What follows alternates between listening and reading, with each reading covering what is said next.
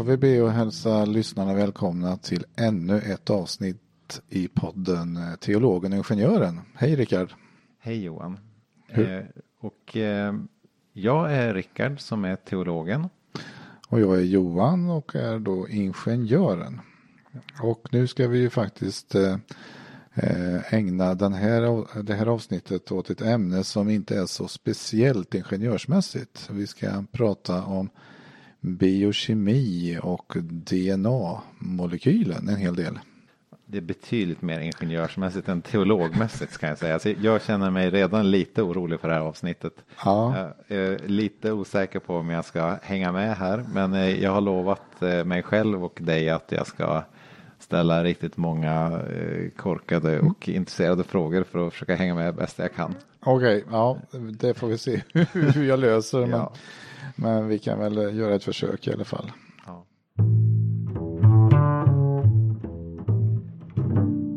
Ska vi börja egentligen med en, som vi brukar, med ett litet bibelord? Ja, och när du berättade för mig här då att oh, vi ska prata om DNA. Då tänkte jag, ja det här blir inte så lätt. um, för det finns ju såklart ingenting om DNA i Bibeln. För att det var ingen som visste vad DNA var på den tiden. Nej. Så, men jag vet ju i alla fall att eh, din fascination för det här ämnet är lite ingenjörsmässig. Mm. Fastän att du säger att det inte är så ingenjörsmässigt. Mm. Så eh, vi ska återvända till ett bibelord här där Gud är lite som en ingenjör mm. när han gör skapelsen. Och eh, så vet jag ju också att eh, de flesta teorier om hur grundst byggstenarna till liv kom till, de här allra mest basala eh, byggstenarna, de involverar ju ursoppan i vatten. Så jag tänkte att eh, vi ska vända, läsa det här stället också därför att det här är ett av alla de ställen i Bibeln som talar om hur det började med vatten. Mm. Eh, skapelsen började med, med vatten. Mm. Så vi ska alltså återvända till Jobb eh, kapitel 38. Mm. Och eh, då är det Gud som talar ur stormen till Jobb. Och det står så här. Var var du när jag lade jordens grund? Låt höra om du vet och kan. Vem bestämde dess mått? Det vet du nog. Vem spände mätsnöret över den? Var fick dess grundvalar fäste? Vem lade dess hörnsten? Medan alla morgonens stjärnor sjöng och gudasönerna jublade. Vem satte portar som spärr för havet när det bröt fram ur moderlivet och jag gav det molnen till kläder och dimman till lindor. Det satte jag för det en gräns och stängde med portar och bommar. Jag sa hit, men inte längre. Här ska dina stolta vågor hejdas. Mm. Det här är ju lite det här är ju lite annorlunda än vad man i modern vetenskap tänker sig hur det gick till precis i, i, i, i jordens begynnelse. För här, här ses ju vattnet som eh, ett urkaos kan man säga. Mm.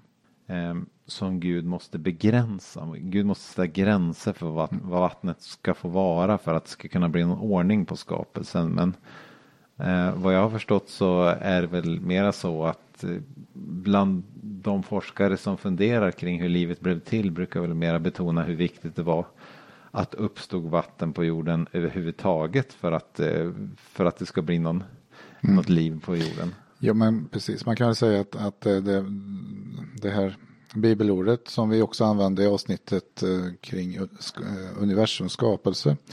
Men, men det ger ju lite grann det här intrycket av att det är någon som tämjer naturen, eller sätter så att säga Eh, binder upp saker, sätter lite spärrar och ser till att dela upp på något sätt. Grundvalar, stomme och sådana saker. Ja. Och, och det, det, nu när man från bibelordet så tänker man typiskt eh, den stora vyernas eh, grundvalar, eh, dalar och berg och vatten och ja. Mm, fåglar och vattenfall och så. Och nu ska vi liksom in på något sätt och, och, och diskutera det som visar sig vara grundvalar i i, i livet. Det som så att säga är, är eh, något vi har alla som, som, som lever och som har levande celler och sådär. Men det här tämjandet kanske inte är helt värdelöst. Nu ska, nu ska man ju inte försöka läsa in som att de som skrev Bibeln hade någon koll på modern forskning om hur, hur, hur jorden blev till. För det hade de ju såklart inte. Utan eh, det här är ju antik vetenskap mm. såklart. Mm. Men det är ändå lite intressant ändå tycker jag att, att vad ska jag säga, första årmiljonen eller så av, av jordklotets historia så då var det ju verkligen kaos. Mm. Det var ju bombardemang med meteorer som åkte ner på jorden mm. hela tiden och mm. det var magma som brann överallt och det var ju det var ju liksom verkligen inte förutsättningarna för liv. Det var ju liksom först när det liksom lugnade ner sig lite grann och, och, och vattnet började liksom bilda hav och sådär som, mm. som, som, det en, som det blev någon ordning. Så att, eh, att gå från kaos till ordning är väl ändå en ganska fin beskrivning av vad förutsättningarna för liv. Mm.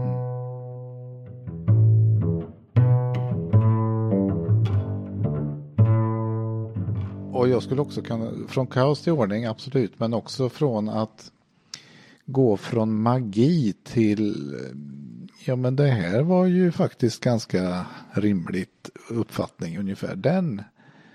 Eh, för det som man inte överhuvudtaget förstår utan det bara liksom är någonting som, som är obegripligt. Det, det har ju ett stort mått av magi i sig.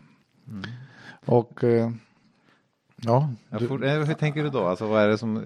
Ja men alltså man kan säga ja, utgångspunkten här nu då är ju för, för det här avsnittet är lite grann att jag ska berätta om min resa in i varför jag överhuvudtaget som ingenjör pratar om, om DNA och eh, mekanismerna, de biokemiska mekanismerna som finns i celler. Det är jättekonstigt egentligen. Ja, det är väldigt intressant.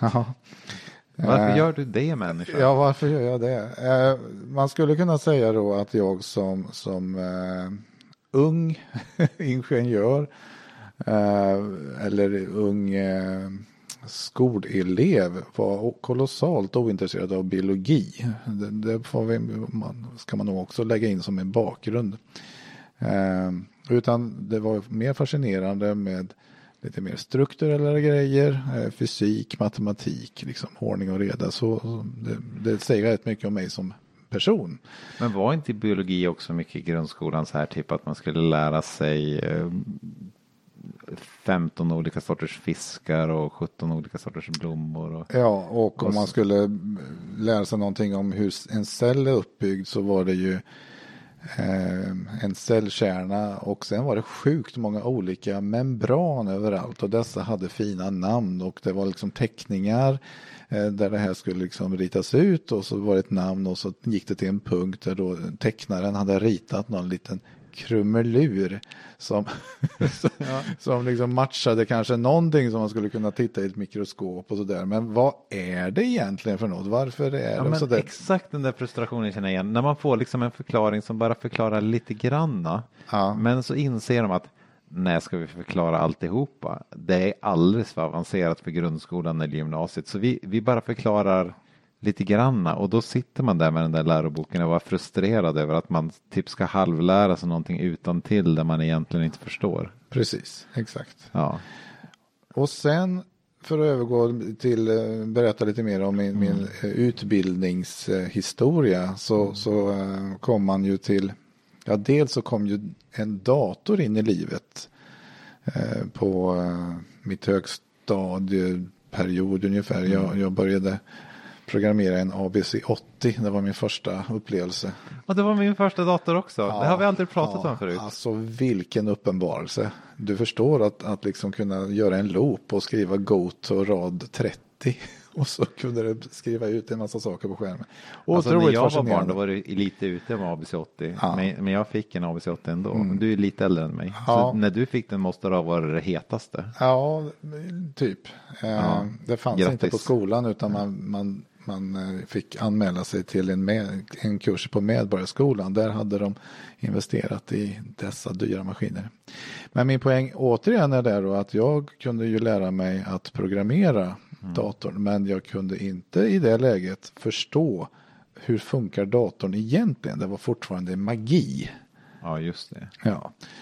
Och detta tror jag, jag vet inte om det lärs ut eh, i breda, det gör det nog inte. Alltså, magi, alltså det här med att klä Magi lär man inte ut. Nej, men att klä av en dator från magin har jag fått, fått förmånen att uh, uppleva genom att man i fjärde året på teknisk gymnasiet fick alltså i detalj man, säga, man, man fick ju lära sig i skolan ungefär vad en halvledare, transistor, det här med ettor och nollor. Men fortfarande så blev det som att det, men en transistor, det, det, blir, det kan ju inte sätta riktigt fart på en dator. Men, men nyckeln till det här är väl egentligen att man fick faktiskt labba och lära sig hur en mikroprocessor, alltså CPUn i datorn, vad den, vad den faktiskt gör. Och det här med mikrokod som är alltså det inre programmet i en mikroprocessor som är så nära de här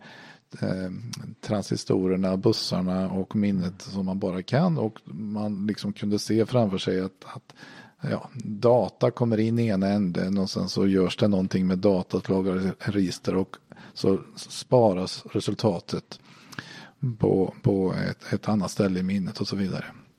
Ja, jag vet inte, det, är säkert, det får säkert vissa, de som går teknisk linje och sådär, göra än idag. Men de flesta får väl inte gå in i den där djupare kunskapen. Nej. Det... Är du en sån också som läser på liksom fysikaliskt var, varför kött eh, blir brunt när man steker det för att du ska förstå bättre hur du ska laga mat? Uh, ja, jag kan avslöja att det, inte numera, men det det fanns en bok av, eh, en kokbok eh, skriven av eh, Boris Möller som var sån här tv-kock för väldigt länge sedan. Men som också då blandade in fysiklektioner i matlagningen. Så där där kan man bland annat lära sig att... Ja, men jag, men jag förstår din personlighet ja, nu. Ja, ja, ja, men det är rätt. Jag, jag gillar det. Jag, bruk, jag, tycker också om att förstå varför saker funkar. Inte bara att man ska göra på ett visst sätt utan Precis. förstå logiken bakom det. Och man fick ju en relation till den här mm. stackars mikroprocessorn som var en Z80 hette den. Ja. Att, och den här, tänk, och så köpte man böcker som var skrivna för att man tänker jag kan programmera nu allt, jag kan veta allt om Z80 med tron om att den boken är användbar hela livet ut. Ja, just det. ja, som att det inte skulle komma andra eh, processorer eh, och det gjorde det ju. Och, eh, så. Men man kan ja, säga. Men du denna... fick med någon slags visdom där i alla fall. Ja, alltså mm. man kan säga att, att från man har ju som ingenjör eller på något sätt ändå fått förmånen att att eh, trots att jag nu håller på och surfar, jag har min iPad framför mig just nu, jag skriver, så, så, så, så, på något sätt så kan jag mappa och relatera ner till att det där finns en logisk och rationell mekanism som, som, som jag kan på något sätt förstå, åtminstone någorlunda principiellt ner till, till eh, enskilda transistor ja, och, och 5 volts eh, elektronerna där som, som ligger lagrade. Eh, och vad jag kan säga det är att jag fick eh, en resa där som blev lite grann möjligt att klä av magin även kring det här med celler och livet. Och det, det, det, denna uppenbarelse fick jag vara med om, ja, när det var ungefär eh, 2002-2003 sådär. I jobbet. Mm. Då var det nämligen så, så att eh, eh företaget eh, jag jobbade på då, vi eh, jobbade med simuleringsprogramvara där man kan bygga matematiska modeller. Ja, ja. Och eh, vi fick eh, kontakt med ett läkemedelsbolag som utvecklar mediciner.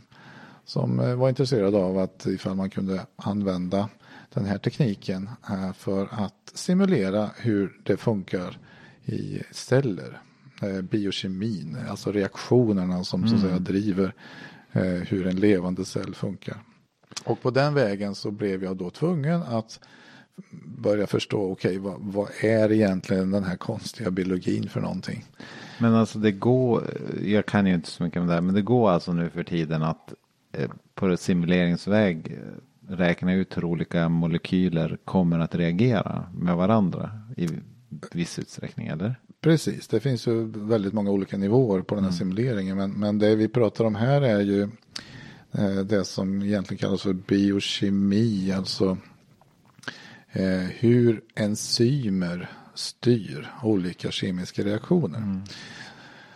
Eh, så nu eh, har Men jag... hur exakt är det här? Är det så exakt som man skulle kunna typ slänga ut all labbutrustning och, och köra allting i, i datorn och sen när man har experimenterat klart i datorn då har man liksom, då behöver man bara test, säkerhetstesta att det funkar i verkligheten också eller? In, nej, inte realistiskt eh, i verkligheten. Så är det inte ens i, i mekaniska, fysikaliska och ingenjörsmässiga. Men, men datorer är ett väldigt stort stöd i att förstå hur verkligheten funkar. Även i det här området. Då. Man kan snabba på arbetet? Man kan eller? snabba på, absolut. Ehm, Men du var tvungen att förstå saker? Ja, och den, den förståelsen som jag då tänkte försöka få, få dig nu att förstå. Eh, den den eh, gjorde saker med mig, absolut. Eh, oerhört fascinerande. En cell, om vi börjar lite grann då. En, vi tar en cell och i cellen så finns det ju naturligtvis eh, eh, en kärna och det finns proteiner. Eh, vissa proteiner kan man kalla för enzymer. Och eh, vad gör enzymer då rent enkelt? Jag vill, det, det kan man säga att den, enzymer styr en kemisk reaktion. Låt oss säga eh, hanteringen av glukos som är då typiskt eh, sockerämnet som, som en cell behöver för att kunna fungera. Insulin och hela den här biten. Och hur egentligen ett enzym styr? Jo, det är att den fungerar alltså som en katalysator för en reaktion. Och då visar det sig att ett enzym, proteiner, är väldigt stora molekyler. Alltså, vi, när man tittar i eh, kemin och sådär, då brukar det ju vara liksom ett eh, ja, någorlunda handfull mängd atomer som bildar en, en molekyl. Det är lite kol och lite Ja, de vi fick syre. rita på gymnasiet var i alla fall en, kanske en 10-15 mol- atomer som mest tror jag. Ja, precis.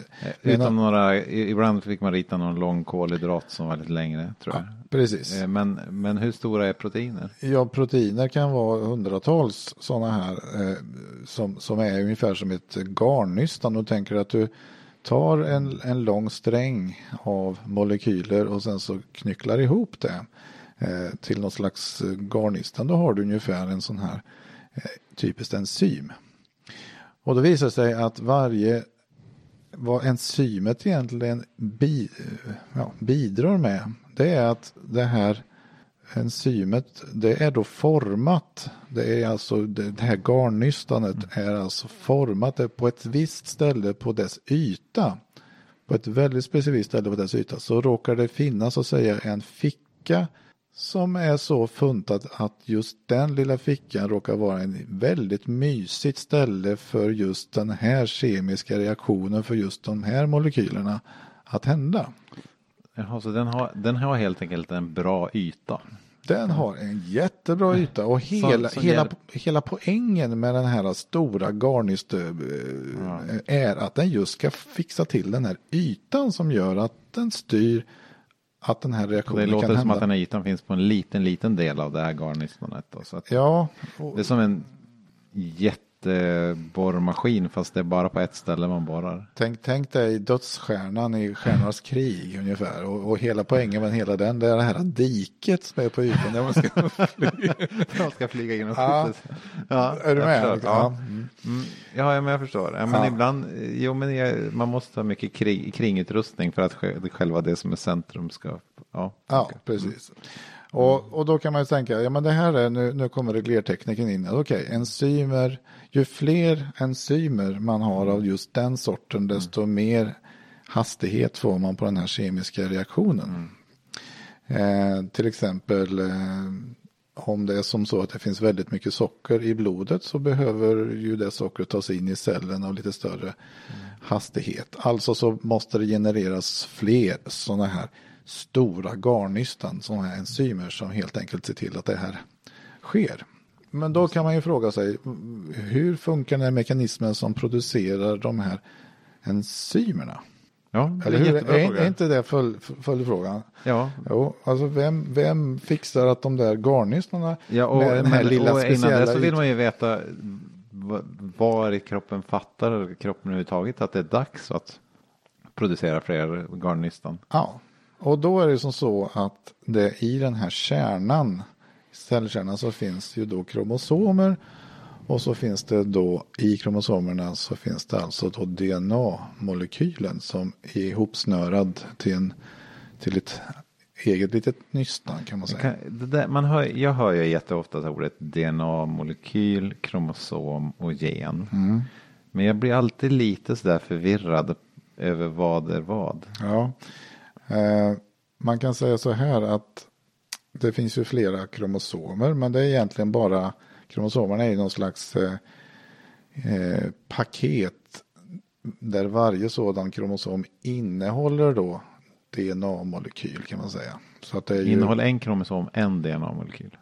Ja, eh, jag läste precis här att, eh, att om du tar eh, den största kromosomen i en människocell och tar dess DNA-molekyl och vecklar ut det till hela dess fulla längd. Nu pratar vi alltså om en tunn, tunn, supertunn molekyl som är jättelång. Ja. Och längden på den är eh, 85 millimeter, alltså 8,5 centimeter. Men då måste den krilla ihop sig jättemycket för en, en cell är väl bara jätteliten? Kolossalt mycket krullar ihop sig. Absolut, det blir ju väldigt, väldigt litet när den ligger där i kromosomen. Men det är ju, det är ju väldigt stor längd måste jag säga. Det är förvånansvärt. Och Och gener då, är det bitar i DNA-molekylen? gener är bitar i DNA-molekylen. Men nu kommer vi in då, eh, för nu hoppar vi in på den här själva DNA-molekylen. Vi pratade om enzymer förut, så att nu ska jag egentligen försöka förklara hur vi kommer från DNA-molekyl till tillbaka upp till det här enzymet. Ja, just det. Ja. Men du har ju säkert sett en typisk eh, DNA-molekyl på bild. Ja, det har väl alla gjort. Ja, nästan, ja i alla fall. Och då är det lite fascinerande. Och låt oss nu anta då att det är en spiralformad historia som har som pinnar emellan två Ja, det. eh, långa linjer kan man säga. Om vi plattar ut den där spiralformen så skulle man ju nästan kunna tänka sig att man får det så, att se ut som en stege. Ja, just det. En jättelång stege. Så. Men det, det har jag funderat på. Ofta när man ser de här DNA-molekylerna. Då är det ty- typ så här fyra pluppar på varje pinne, eller hur? Ja. Precis. Men det är inte en atom varje plupp, utan det Nej. är något mer komplicerat. Ja, just det. För nu pratar vi om stegpinnarna och det här är tricket här nu. Jaha, oj, nu, ja, nu ska jag lyssna. Om vi, om vi tar och tänker att DNA-molekylen är en tillplattad lång stege. Ja.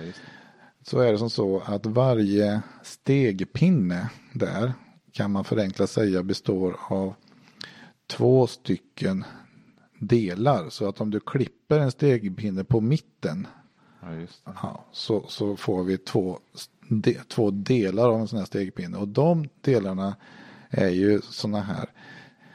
Det är som bokstäver. De kallas ju för nukleoider. De där. Och det är alltså aminosyromolekyler som, som är ett antal olika organiska atomer där som, som bildar den här molekylen. På ett väldigt unikt sätt. Eh, och det råkar då vara som Så så. varje bokstav är en, en hel aminosyra. Ja. Alltså en typ. Det är en nukleoid som Ja. har en speciell sorts sån egenskap. Och då råkar det finnas alltså fyra stycken sådana här bokstäver eller fyra stycken olika typer av, av grejer att bygga stegpinnar med. Så att om du tänker dig att eh, du eh, eh, vi tar en stegpinne här och så målar vi ena eh, halvan av en stegpinne vit och den andra svart. Och sen så kan vi ta och måla en annan stegpinne i färgerna till exempel eh, eh, ena änden blå och den andra gul. Ja. Ja. Då har vi alltså fyra stycken bokstäver. Det ena eh, är då eh, gul och blå och vit och svart. Så vi har ju inte binärt här, vi har inte den här digitala utan vi har faktiskt fyra bokstäver. Inte gul och vit och röd. Utan Ja. Gul och blå och röd. Ja, men jag har alltså, eh, det finns en poäng i att jag just väljer vit och svart och gul och blå. Okej. Ja, vi kommer tillbaka till det. Men eh, man kan då säga då att hela den här, eh, om du ska läsa av en, eh, de här bokstäverna till något, eh, då ska du alltså följa, du får välja liksom, säg högra kanten på den här stegen så kommer du alltså då och så börjar längst ner där och så följa stegen ända upp eh, i himlen där. du tänker en Ja, jättelång. precis. Så kommer det ju att passera en massa stegpinnar där då varje halva då är antingen vit, svart, gul eller blå. Ja, just det. Ja. Men i alla fall, så nu har du alltså en stege med fyra, färg, fyra olika färger på stegpinnarna. Och eh, då är frågan, om du nu har, tänker att vi hittar den där, hur i all sin dar kommer det här att kunna användas då för att generera ett enzym som simmar någonstans i cellen? Det tycker jag är en jättebra fråga. Ja, För att om jag bara skriver massa, om jag skriver massa ord på ett papper ja. eh, så, så, gör de, så kommer de inte göra någonting de orden. Nej, om det precis. inte finns någon som kan använda sig av dem. Och nu kommer då lite grann den här mikroprocessormekanismen. Det finns en maskin som i någon mening gör att eh, den här DNA-molekylen eh, faktiskt används. Och då är det som så att runt den här DNA-molekylen så, så dyker det upp diverse andra molekyler som gör att vissa saker händer. Till exempel, det finns en molekyl då som helt enkelt har förmåga att fästa på ett lämpligt ställe på den här DNA-molekylen och göra att den delar på sig, det vill säga den klipper de här stegpinnarna eh, mitt i tu. Så att du har en stege som är lite trasig och eh, stegen har eh, lösa ändar med sådana här eh, nukleider som Klipper pekar. den bara mitt i tu så att man kan säga någonstans mitt på pinnen så särar den sig mitt i tu eller? Precis. Så, men själva liksom en stegen är kvar fortfarande. Det blir inte två stegar utan det är bara Precis. att stegen öppnar sig en bit på mitten. Ja. Och nu kommer då det det tricket finns med alltså en stegöppnarmolekyl. det finns en stegöppnarmolekyl. Ja. Och nu ska man också veta om det att runt omkring det molekylen så, så simmar de omkring lösa stegpinnar i de här fyra färgerna. Bara runt i cellen. Ja, ja runt i kärnan här nu så Ja. finns det här som Okej. grundmaterial. Tänk att, att det är ungefär som legobitar. De allra minsta legobitarna de, de svävar omkring här inne i rummet och så. Och liksom, Ja. Exakt som hemma som en, hos en barnfamilj. ja precis. så man får se upp så man inte kliver på dem. Ja. Det gör ont i fötterna hela tiden. Ja, precis. Eh, och då är det som så att en, en lös, en itu-klippt stegpinne, säg att den är svart. Den är fruktansvärt attraktiv för en lös vit stegpinne att åka dit och fastna på den. Alltså lösflytande då. Lösflytande, ja. Och då plötsligt så har det ju blivit en, eh, en komplett stegpinne eh, där. Och likadant så är det som så att eh, vit attraherar svart, svart attraherar vit och gul attraherar alltid blå och blå attraherar gul och så vidare.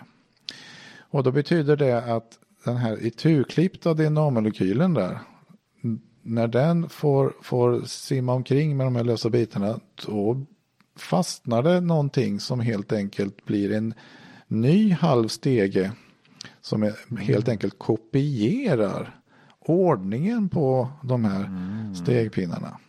Så att eh, då kan man säga det att här bildas nu det som kallas för mRNA. mRNA. En mRNA-molekyl, ja det är alltså en, en, eh, en mRNA-molekyl ser ut som en itu-klippt stege av en viss längd. Så om du tar en, en stege och eh, klipper den i tu så har du så att säga en sida, en, en Ja, stolpe på, på, på stegen och sen har du halva stegpinnar. Och det är då en molekyl som på, på, har liksom skapats genom att DNA-molekylen har lockat de här stegpinnarna att fastna i samma ordning som Som, och sen när de har fastnat i samma ordning lösgör de sig då från DNA-molekylen. Ja, Och då är, Med hjälp av en ytterligare liten molekyl som simmar runt och släpper loss dem. Precis, därför det är så att det finns alltså en molekyl som kan få eh, DNA-molekylen att börja dela på sig. Och sen så finns det en molekyl som vet att det finns ett stoppsekvens i den här.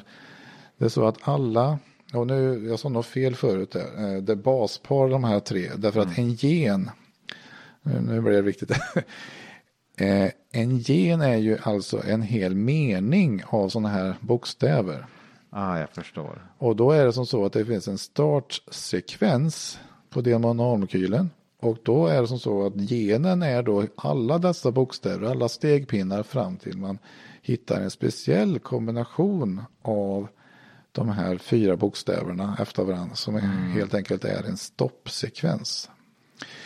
Så ett M Och det kan vara olika långt då alltså? Det kan vara olika långt. De här, eh, och då kan man in lite tips här nu i tankemässigt att ju längre genen är, desto större molekyl, större, större eh, eh, garnnystan kommer att bildas i det här sen.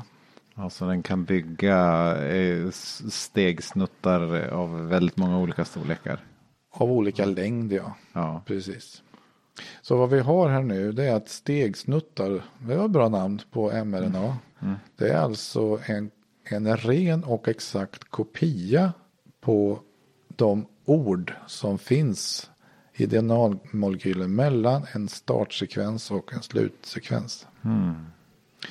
Och då kan man säga det att ju mer eh, den här molekylen som öppnar DNA-molekylen den är triggad då till exempel att oj oj oj nu är det så mycket socker så att då, då kan man säga att då, ju mer DNA öppnar sig desto mer sådana här stegsnuttar produceras.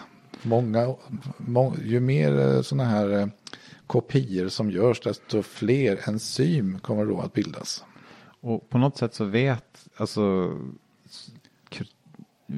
hur, hur prickas det in rätt startsekvens då? För att menar, det lär väl finnas några olika startsekvenser på en sån här DNA-molekyl. Ser de lite olika ut då så att eh, olika enzymer öppnar olika?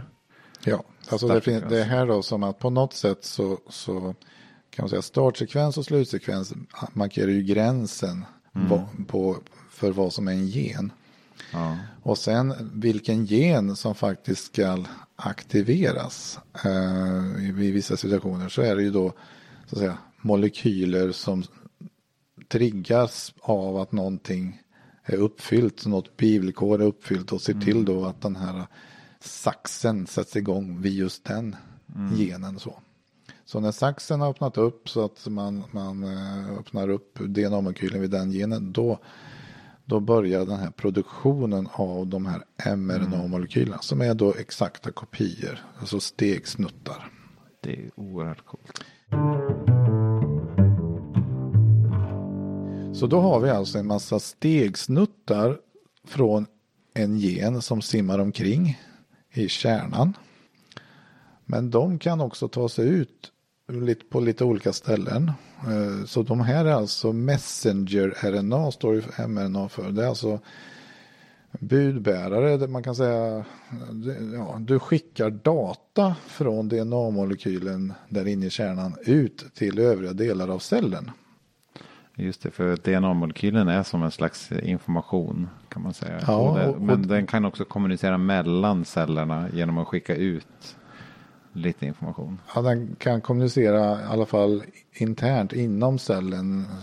Så. Men du sa att han kunde skicka ut den utanför cellkärnan också till de andra cellerna, eller? Nej, alltså nu tänker jag att kärnan är ju en del i cellen. Det Ja, finns, nu hänger jag. ja, så, att, så att den kommunicerar utanför kärnan till övriga delen av samma cell. Ja, nu förstår jag. Nu är det med. Mm. Eh, och nu kommer det verkligen häftiga. Alltså fortfarande så har vi ju då en halv stegsnutt simmande. Hur blir det då ett protein av det här? Eh, det är svarta och vita och gula och blå små stegpinnar på den här. Jo, då träffar den då en, en väldigt stor molekyl som heter ribosom. Ribosom. Ribosom, ja. Precis. Och den kan man säga eh, får tag i ena änden på den här eh, mRNA-molekylen och börjar då läsa av de här tre trebokstavsorden. För varje av de här 64 kombinationerna attraherar då eh, någon av de här 20 aminosyrorna som finns. Ah, okay. Och de simmar ju också omkring i det här runt omkring överallt. Och det betyder det att när, när den här ribosomen har tagit första basen av de här tre, ja då lyckas den då attrahera och placera exakt rätt aminosyra på en annan ställe på den här ribosomproteinmolekylen. Och på något sätt då så när det har hänt, ja då tickar det här stegsnutten fram ytterligare tre baspar in i ribosomen och plötsligt så kodar det då för en annan aminosyra som då ska hämtas från det omkringliggande havet av och placeras då på den andra första aminosyran. Det här är ju jättecoolt. Ja, det här skulle jag vilja bygga i lego för det här är helt makalöst alltså. Ja, och, så det, det simmar alltså runt liksom lite blandade aminosyror i cellen. Ja, eh, man kan säga men, att men det är bara den aminosyra som som, eh, som ribosomen, heter det så? Ribosomen ja. liksom drar till som, som kan fastna då på ja. de här stegen. Och det som bestämmer vilken den ska dra till är ju egentligen vilket av de här var. Det är alltså den här eh, mRNA-molekylens position i ribosomen som bestämmer detta. Ja. Och en väldigt tydlig liknelse är ungefär som så här hålkortsremsor. Eller hålremsor. Det var i, i datorns barndom så var ju det i princip att så att säga eh, låta en, en dator bli programmerad. Det var att man, man hade liksom en remsa med massa hål som man då stoppade in en apparat som fick liksom tugga i sig den här remsan och så blev det programmerat. Det är precis likadant med den här mRNA-molekylen. Den är som en hålkortsremsa som ribosomen börjar med att läsa av i tur och ordning i första änden, locka till sig rätt sorts aminosyra som fastnar på en liten spets, tar nästa och så byggs den här spetsen på. Och då kan man tänka sig att vad som händer är att Hålkortsremsan, eh, mRNA-molekylen, åker in i ribosomen och läses av. Och i andra änden på ribosomen så, så stoppar den korv, alltså det kommer ut en korv av sammanbundna aminosyror. Det är ju jätteintressant. För då, då blir, alltså fast då är, fast det fast då den här hålkortsremsan, mm. den är en del av de här sammanbundna aminosyrorna i andra ändan eller? Nej. Nej, den, bara, den, den är bara information. Alltså. Den, är bara data. Enbart ja, data. Den, den, Okej, okay, så, så, så det börjar med något, bara för att repetera, det börjar då med någon liten grej som triggas inne i det som du kallar cellkärnan, alltså där, där eh, DNA ligger. Ja. Och där produceras de här små stegsnuttarna som du kallade för mRNA. Mm. Och så där, de får åka ut då ur cellkärnan till resten av cellen utanför. Ja. Och där För det, det, finns nämligen ribosomer både nära kärnan men det finns också i ytterkanter. Så det mm. finns sådana här ribosomer kan man säga är ju proteinfabriker. Ja, just det. Ja. Då åker den till någon av proteinfabrikerna. Yep. Eh, det finns alltså flera proteinfabriker. Ja. Där. Oj, oj. Eh, du sa bara en förut, nu svindlar den. Ja, ja. En av proteinfabrikerna. Ja. Och där eh, så åker den in som en hårkortsremsa och skapa jättestora molekyler då måste det bli då som slutresultat. Ja, proteinproduktionen är ju som så att det, det, ribosomen producerar ju alltså en lång sträng av sammanbundna aminosyror som mm. har då en, samma ordning mellan sig som basparen i den här mRNA-molekylen är mm. programmerad, alltså hur genen ser ut. Och grejen är att det är ju då eh, eh, olika typer av, av attraktionskraft i de här molekylerna så att beroende på i vilken ordning man sätter ihop aminosyror så krullar den här långa korven som ribosomen producerade ihop sig på ett unikt sätt. Mm. Och om du, allt, om du kör ihop de här aminosyrorna, eh, det vill säga på, på två stycken likadana program, du får två likadana korvar ihopsatta. Ja, då kommer alltså det här ihopknycklandet till att det blir ett garnnystan att ske på exakt samma sätt. Och därför så vet då man att den här proteinet, enzymet som då skapas då, kommer att ha just den här lilla speciella fickan som krävdes som är unikt jättebra för att till exempel fixa och styra just den här kemiska reaktionen. Det är ju helt otroligt intressant. Så om man vill styra en biokemisk liten reaktion så ska man alltså ha ett enzym vars yta har en ficka. Receptet på hur det här enzymet ska konstrueras det är att spesa upp en ordning med aminosyror som, som då gör att det här knycklar ihop sig. Och det receptet ligger lagrat i DNA-molekylen. Mellan DNA-molekylen och ribosomen så åker det då data i form av de här stegsnuttarna. Så det finns alltså, man kan säga att det finns receptet för allehanda kemiska maskiner i, i vårt DNA. Exakt. Och det finns en CPU och i min värld så tänker jag att CPU är de här ribosommolekylerna. Ja. Som helt enkelt gör jobbet att översätta. Och CPU det är den delen av datorn som tänker. Alltså som ja.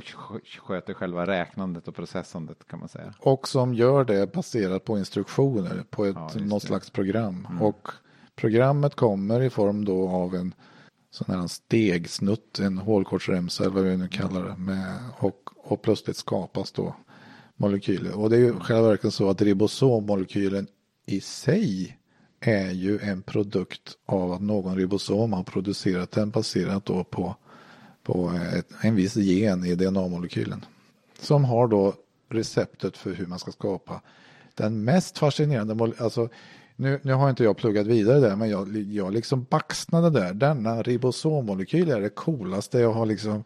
Ja, men den är ju häftig som helst. Och jag antar då att det finns någon typ av eh, DNA-sekvens som dessutom tillverkar just eh, ribosommolekyler då. Ja, ja, precis. Så Exakt. DNA tillverkar också själva fabriken eller själva CPU-erna. Japp.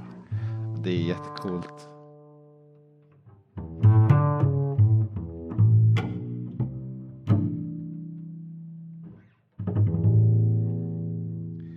Grejen är väl här att det är väldigt mycket som är coolt. Och man kan väl säga det att när jag, det här var då när jag eh, läste om detta, jag läste väl en artikel och såg någon illustration eller någonting. Alltså man kan säga att det var nog den bästa predikan eh, det året för mig ja. kan man säga. För att det blev i och med att jag kom från ingenjörsbakgrunden och hade liksom en, jag tyckte det här med med hjärtat i en dator, det vill säga CPUn är ju en ganska häftig grej eh, och så. Och sen komma då in i den här väldigt flummiga biologivärlden och behöva liksom dyka ner där. Men sen upptäckte då att vi har DNA-molekylen som är ett slags minne. Vi har databuss, eh, transport av data i form av den här mRNA-molekylen. Vi har ribosomen som en slags CPU som faktiskt exekverar de här detta blev eh, ju otroligt fascinerande. Och man tänker då sådana här frågor att ja, men det här ser ju så konstruerat ut. Någon måste ju ha tänkt. Ja, det, det, det, ja, men det låter ju verkligen som eh, en, en ingenjörsprodukt. Ja, det låter eh, och, och plötsligt Ett, så fick... En, en, väldigt genialisk ingenjör skulle man kunna säga. Ja, um... oerhört genialisk. Helt, alltså coolt är bara förnamnet. Ja, men det är väl, jo men det, jag förstår det verkligen. För du menar, jag, nu kan jag ju inte veta exakt hur du känner, men jag blir ju också så här, man skulle kunna kalla det för vördnadsfull ja. inför det här. Så att man känner liksom, det här är stort. Det här är ja. riktigt, riktigt svindlande på något sätt. Att, att inuti våran kropp så har vi, jag vet inte hur många miljoner av de här otroligt fantastiska fabrikerna som som håller oss vid liv. Och, vi har, och jag har lyckats kopiera över det här till mina barn. ja. ja, det har vi faktiskt både du och jag lyckats eh, ja. göra. Ja, exakt. Ja, det, och det, är ju, det är ju verkligen jättehäftigt. Det är häftigt. Och eh, när vi förbereder det här avsnittet så, så eh, kom vi ju, alltså vad vi lite grann touchar på är, är ju, kan man liksom anse det här vara bevis för Guds existens och så vidare. Och egentligen så är ju inte det min poäng alls här, utan poängen är ju lite grann att man med en viss typ av kunskap om skapelsen kan bli genuint, eh, vad sa du, vördnadsfull. Ja, det, mm. det tar tag i en. Alltså, ja. man, man, man blir alltså känslomässigt eh, starkt berörd helt enkelt. Ja, och den, den känslan har du ju pratat om innan lite grann i relation till matematik också. Att du kan som, ibland när du ser något matematiskt samband så kan du liksom nästan också få den här känslan av att här är det stort. Det här måste ju vara Jo men, jo, men, det finns ju en, eh, ja, jo, men det, det, det är ju, ja. det, det, vackra är ju oftast ja. bättre. Ja. så att säga. Ja. Men, men, men, men, för att återgå till det här med att använda det som bevis, det är ju lite intressant ändå. För det, alltså, det här berör ju också en hel, en hel del av de här diskussionerna som har funnits kring, kan man bevisa att Gud finns mm. och så. Och man kommer väl aldrig till någon slutpunkt i, i den diskussionen och sådär. Men eh, och, men det finns ju vissa som har velat använda den här uh, forskningen om DNA som är väldigt, väldigt fascinerande. Som ändå som ett slags väldigt starkt indicium på att här måste det ha legat någon tänkande varelse bakom. Mm. Och den här rörelsen i USA som brukar kallas för intelligent design. Alltså mm. att man eh, vill söker efter komplexiteter i livet som inte skulle kunna uppstått med hjälp av slump. Mm. Eh, de är ju väldigt intresserade av just det här hur oerhört avancerat mm. Eh, vårt DNA-system är. Och det, och det fattar jag verkligen. För precis som du säger, man fatt, hur skulle det här kunna ha blivit till genom slump? Mm. Eh, och det finns ju till och med en del forskare, som, till exempel som en som heter Steven C. Meyer som har skrivit en bok som heter signature in the cell, DNA and the evidence for intelligent design, där han försöker hävda då att det finns eh, bevis i hur komplicerad eh, hela den här DNA-fabriken är som, eh, som visar då på att det måste ligga en intelligent designer bakom den. Jag har inte läst boken ska jag säga. Så jag kan, och jag mm. kan inte tillräckligt mycket biokemi för att avgöra den. Mm. Men jag har mm. förstått att som vanligt så, så har ju den här boken lett till Ja, men en del blir, en del som eh, är starka påhejare av intelligent design, de blir väldigt glada över en sån här bok. Mm. Så. Eh, men människor som inte är övertygade om intelligent design, de säger ju ändå att nej, men du har inte lyckats bevisa någonting. Det, de, de bevis som du kommer med leder inte diskussionen någonstans. Men tänker man då att, att det finns en, en eh, en designer, en intelligent designer som är med hela tiden även inuti cellerna och ser till att det här funkar? Eller tänker man att designen är gjord någonstans i när universum skapades i liksom Big Bang utifrån några ritningar och sen så liksom har, har, det, har det här universums inbyggda eh, mekanismer fått, fått eh, leva vidare ostört. Just de som jobbar med intelligent, design, de menar ju kanske inte att, att Gud går in och pillar i, i våra celler dagligen och stundligen, men att ändå att Gud har gått in på vissa delar av evolutionsprocessen. Mm. De, de, säger inte, de säger inte att evolution inte finns, de säger att evolution finns. Samtidigt så säger de att vissa viktiga språng i evolutionen hade inte kunnat hänt utan att det hade kommit någon kraft utifrån och gått in och, och, och fixat det här då. Mm. Så, ehm, men så finns det också de som menar att nej, Gud, eh, Gud startade bara liksom själva förutsättningarna för liv i, ja, i typ Big Bang. Mm. Hela, alla de här parametrarna som finns i universum som gör att universum kan finnas överhuvudtaget de är inställda på en sån nivå så att liksom förutsättningarna för liv kan uppstå. Mm. Eh, så. Så att det finns ju lite olika varianter på det där. Och frågan är hur man någonsin skulle kunna bevisa varken att Gud har, har trimmat in universums rätta parametrar eller att Gud har gått in på vissa punkter i evolutionen på ett sätt som, som, alla, som gör att alla säger att ja, så här måste det vara. Mm. Jag har lite svårt att se hur man skulle komma till den punkten där man kan föra det i bevis. Jag tror att det kommer vara väldigt svårt att bevisa. Eh, och på något sätt så brukar jag säga att det, är en del av poängen med, mm. med Gud. att man, det, det, är inte meningen man ska bevisa. Nej. Det är en känsla så. Men, men, men det vetenskapsteoretiska problemet tycker jag med intelligent design det är så här. Alltså idén är så här att man, man sätter upp prövning. Men på ett sätt så blir det ju en slags uh, hypotes. Uh, hypotesen är fenomen X kan inte ha tillkommit av slump. Mm. Men problemet vetenskapsteoretiskt blir ju hur ska man kunna bevisa att det inte skulle kunna ha tillkommit av slump? Det enda man kan bevisa är att hittills har vi inte kommit på hur det här skulle ha kunnat tillkommit av, genom stegvisa mutationer. Mm. Eh, och när intelligent design var nytt då kom de ju med alla möjliga förslag på oh, den här saken och den här saken i, i livets biologi skulle inte kunna ha tillkommit eh, med stegvisa mutationer.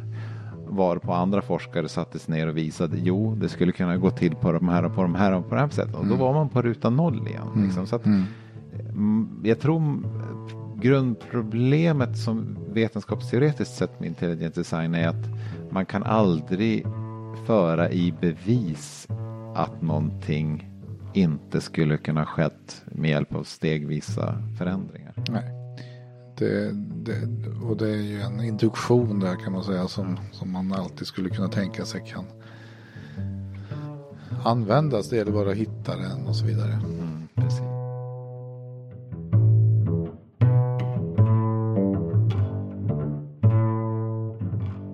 Man, nu kan man ju förledas eh, tro att det här med gentekniken är vi ju väldigt skickliga på nu för tiden. Vi kan ju göra i stort sett vad som helst med gener. Och så är det ju. Man kan alltså man kan alltså eh, helt enkelt gå in och ändra i DNA. Eh, byta ut eh, i princip en gen mot något annat och klippa in den informationen och så. Det här finns ju massa spännande, jag kan bara nämna en, en ganska häftig användning som då typiskt används för gästceller. Alltså det som vi använder i när, när man brygger öl eller bakar bröd eller så här. Gästcellen har ju en, en DNA. Den är väldigt billig att producera. Det gäller bara att mata den med socker så kan den göra lite olika saker. Och det är så att om vetenskapsmännen vill producera en specifik sorts protein mm. så tar man helt enkelt att okej, okay, då, då vet vi vilken ordning de här aminosyrorna ska sättas ihop. Vi tar den sekvensen som vi vill att den här molekylen ska, ska ha och så petar vi in den i den här genmodifierade gästcellen och plötsligt börjar den producera de här proteinet. Och det kan jag tänka mig är jättebra när man ska producera medicin och sånt. Exakt. Mm. Man väl har en idé om vilket protein man vill. Men det här kan man ju då förledas att tro att ja, men nu har vi liksom koll på hela mekaniken över hur det här går till. Men då kommer det in det här med spark of life på något sätt. Att, att man är oerhört långt ifrån att egentligen förstå vad som får den här mekanismen att faktiskt funka. Vad som får det att leva. Det vill säga man, man måste ju ändå utgå från en levande gästcell för att liksom skruva på det och sen så gör den här tekniken. Det, det, det är alltså... Ja, för det är ju en ganska komplicerad fabrik hela cellen med alla de här olika prylarna som finns i cellen. Det är som ett helt universum inne i cellen. Ja, och hur, hur startar man detta? Det är ungefär som att vi, vi har en hel motor i bilen eh, koll på mm. färdigkonstruerat. Men, men vi letar fortfarande efter tändstiftet som behövs ja, för att det ska... Jo, men jag liksom-. Men jag, vad jag har förstått så är det så här att om man går tillbaka till den här ursoppan som vi pratade om, alltså det här att livet började i vatten. Så har forskarna kunnat visa att det är gans, de här enklare molekylerna, typ aminosyror och sånt där, det, och till och med RNA, skulle kunna ha uppstått spontant i ja, med hjälp av blixtar och, och, alla molekyler som fanns på jorden på den tiden. Mm. Och energin och eh, energin från, eh, från vulkanutbrott och allt möjligt skulle kunna skapa där. Mm. Men sen kommer det riktigt svåra hoppet. Det är ju från Låt säga att det flyter omkring aminosyror och RNA i vattnet för att det har skapats det med hjälp Mm. av olika processer. Hur tar man det här jätteskuttet fram till en cell Mm. med cellmembran och, eh, och eh, DNA-molekyler som kan kopiera sig själva och Mm. hela det komplexet. Det, där simmar tydligen forskarna fortfarande i mörkret och Mm. i urtidssoppan höll jag på att säga. Eh, och vet inte riktigt hur man ska rekonstruera den processen. Nej, det, det, det är ju en... eh, Så, det, det går inte att skaka på en burk eh, hur länge som helst och man får fram en, en fungerande cell. Det känns väldigt långt bort. Ja. Eh, nej men det här är väl liksom återigen eh, stora frågor som man då börjar fundera på. Men, men på något sätt så var ju, så jag blev drabbad. Jag blev drabbad av vördnad för detta. Ja men det förstår jag verkligen. Jag är också i, i, oerhört imponerad eh, av detta. Vad tyckte du förresten om den här fina länken jag skickade till dig? Eh, det var ju... Åh nej, åh nej.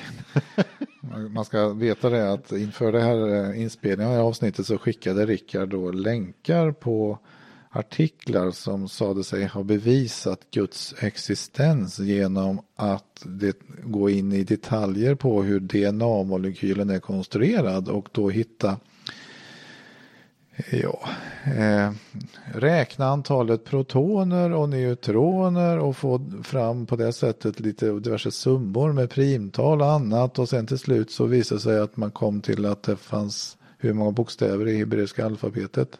Att det var två, två, två olika, men den ena höll väl på med någon slags talmagi. Jag begrep det faktiskt inte själv. Nej. Jag tyckte det var så roligt så jag var tvungen att skicka till dig. Ja.